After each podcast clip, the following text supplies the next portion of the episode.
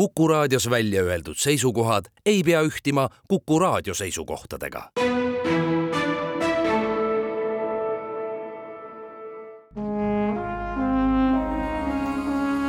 Vanemuise veerand tere kõigile teile, head Kuku raadio kuulajad, Vanemuise veerand alustab.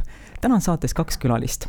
meil on külas Vanemuise sümfooniaorkestri flötist Marion Strandberg, tere Marion! tere! ja Vanemuise noortetöö juht Katrin Loonurm, tere Katrin! tere! mina olen saatejuht Tiir Ööp. meil on jututeemaks väikelaste hommikukontserdid. Need saavad toimuma üks-kaks korda kuus Vanemuise suure maja fuajees esimene nendest on juba toimunud kahekümne kolmandal septembril, järgmine on kohe tulekul, kaheksateistkümnendal oktoobril. väikelaste hommikukontserdi idee autor ja kunstiline juht oled sina, Marion, kust sul see mõte tuli, mis sind tõukas sellele? Mind tõukaski sellele Katrin ja pöördus minu poole, et võiks teha midagi kõige väiksemale publikule ja mulle see idee kohe väga meeldis, sellepärast et Vanemuises ja üldse Tartus ei ole hetkel selliseid äh, üritusi, aga samas Tallinnas on ja ikka tahaks ka siis teha ju, et Tartu emmed saaksid ka käia kuskil oma kõige väiksematega. kui väiksed lapsed on sinna oodatud? sinna ootame päris väikseid alates sünnist kuni viieaastaseni. Sinul, Marion, võib-olla, kuna sa oled laval ja esined, on võib-olla raskem kirjeldada seda, kuidas lapsed vastu on võtnud siiani toimunud hommikukontserte, aga sina, Katrin, olid kindlasti kollaste kassidega saalis ja nägid, kuidas lapsed reageerisid. Nad on väga-väga kohe esimesest hetkest kaasatud, kuna see kontsert ei ole selline, kus lapsed peaks ainult istuma ja kuulama. Maarjon ise kohe alguses neid tervitab ja suhtleb, kordab üle, et milline on kontserdil õige käitumine, et kõigil hea oleks lapsed saavad vahepeal kätte pillid, teevad muusikutega koos muusikat, et see kõik äh, on lastele palju nii-öelda rõõmsamalt ja elavamalt vastuvõetav. et pigem olen täheldanud nende paari kontserdi puhul, mis meil on juba toimunud, et kuidagi nende jaoks saab liiga ruttu kontsert läbi ja tahetakse veel. Kui pikk kontsert on? ta varieerub niimoodi kolmekümne viie, neljakümne minuti juures. Et tundus tegelikult selline paras pikkus äh, väikestele lastele, aga tõesti, endal on ka selline tunne seal viimases loos, et kui ma ütlen, et ja nüüd ongi viimane lugu käes, et justkui tundub, et võiks edasigi teha, aga noh, las see esimene kogemus, ma arvan, jääbki selline hästi positiivne, et tahaks nagu veel mitte see, et et tunni aja juures on juba, et aa, millal see lõpeb, emme, ma tahan süüa.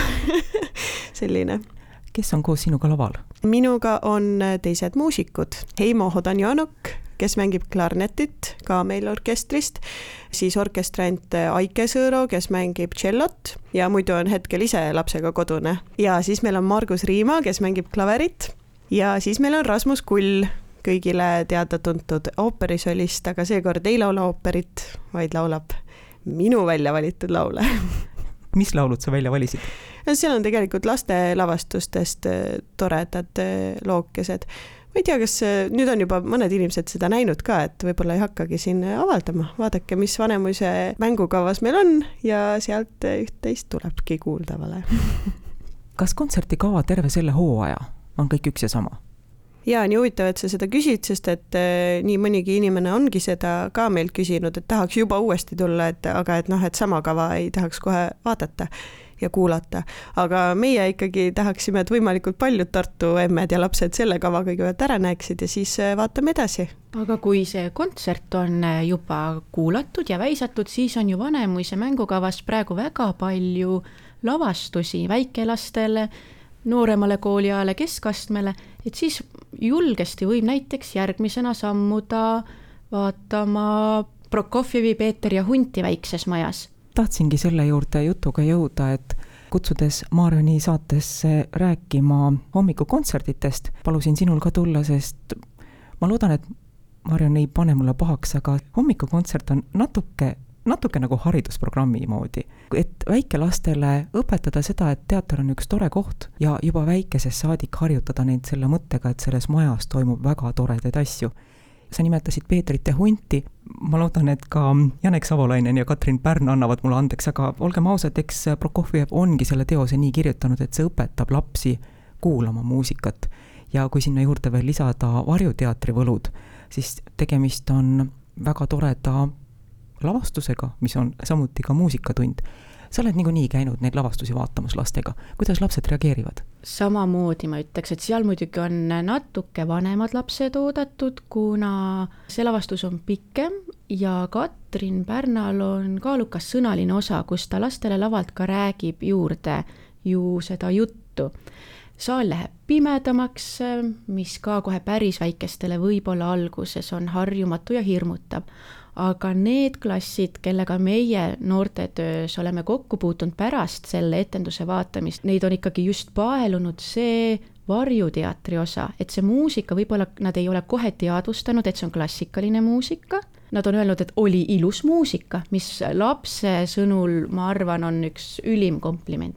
Et jällegi, et ähm, Janek Savolaineni ja Katrin Pärna lavastuste puhul on alati teada, et sealt tuleb positiivne üllatus, nad äh, panevad lapsed mõtlema enda lavastusega ja see ongi ju tegelikult teatri eesmärk.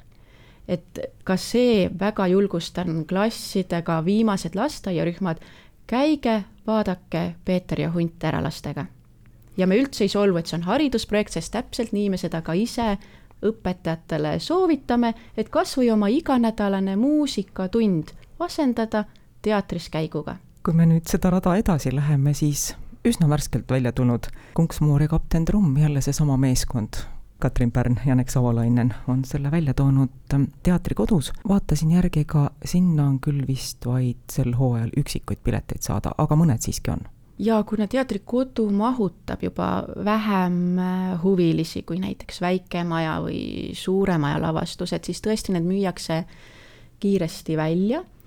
Aga eks selle lavastuse puhul lisaks lavastajate tandemile on ju ka see lugu väga paljudele ikkagi teada, väga paljudele õpetajatele, emadele lugu teada kes selle valiku ju teevadki, et kuhu ja kuna minna, et meil mõlemal, minu ja Maarjani lapsed käisid vaatamas seda, esimese klassi junsud, jälle sama kommentaar minu poolt, et minu arust Maarjan, nad olid pärast ikka kõik väga-väga elevil, just see, et Katrin ja Janek olid sinna väga palju eriilmelist muusikat sisse põiminud ja seda videolahendusi, mis teeb selle elamuse mitmekesisemaks ja iga laps siis nagu valib, millele rohkem keskenduda on see näitlejate tegevus laval, dialoogid, videoprojektsioon või muusika?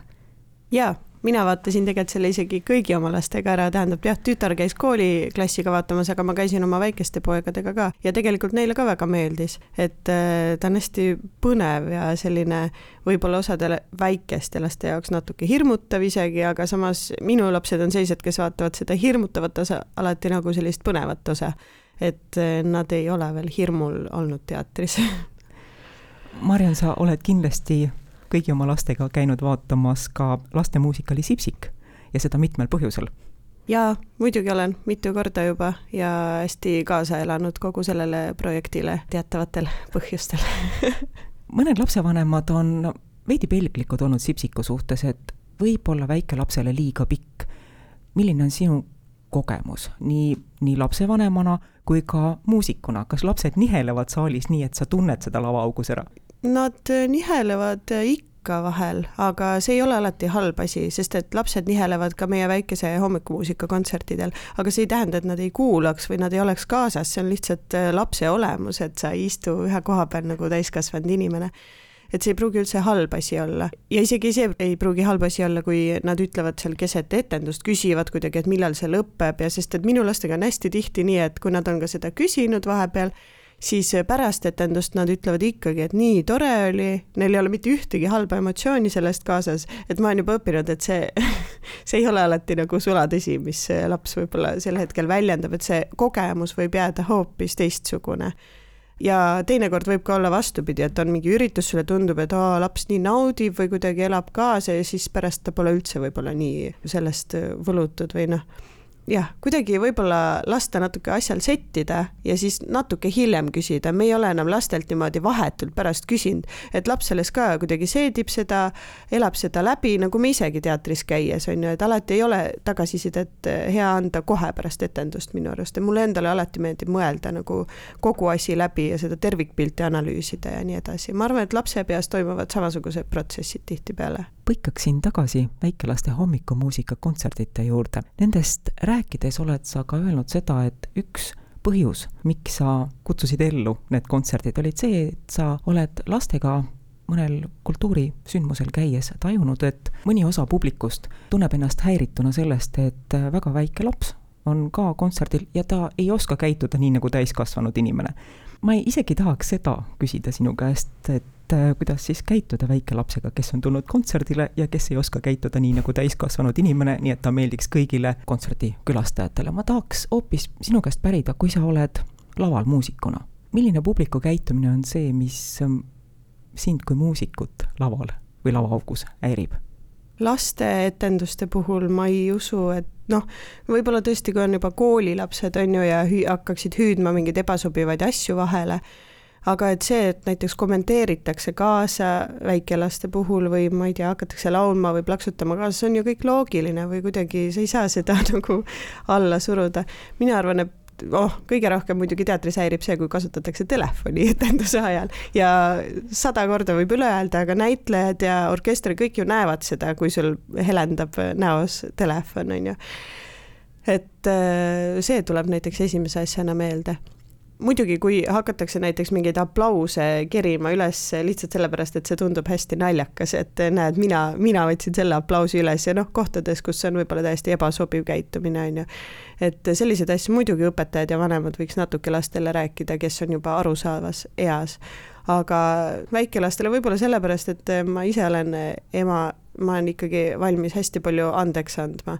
Ja ma hästi nagu toetan neid vanemaid, kes väiksest peale lapsi tahavad kontsertidele ja etendustele tuua, sest see on nende poolt juba nii suur julge samm minu meelest, et seda ei tohiks nagu pahaks panna neile muidugi inimene peab äh, tunnetama ära piiri, et kui laps ikka, ma ei tea, kaks minutit järjest on juba lihtsalt nutnud, nii et muusikat pole enam kuulda, siis võib-olla võiks veidi eemale astuda korraks, on ju, üritada rahustada. ise teen ka pattu, annan vahel mingi kommi kätte, on ju, või midagi närida või mingi väikse mänguasja või noh, aga järgmisel hetkel ta tuleb sellest nagu välja ja ikkagi kuulab jälle edasi ja minu arust see on kõik nagu väärt seda pingutust edasise hariduse ja harituse koha pealt. aitäh Vanemuise sümfooniaorkestri flötist Mariann Strandberg, aitäh, Vanemuise noortetöö juht Katrin Loonurm, saatejuht Tiir Ööp ütleb tänusõnad ka kõigile teile, kes te meid kuulasite nädala pärast. kui kõik läheb nii, nagu plaanitud, on saates külas Jevgeni Kriib. jälle kuulmiseni! Vanemuise veerand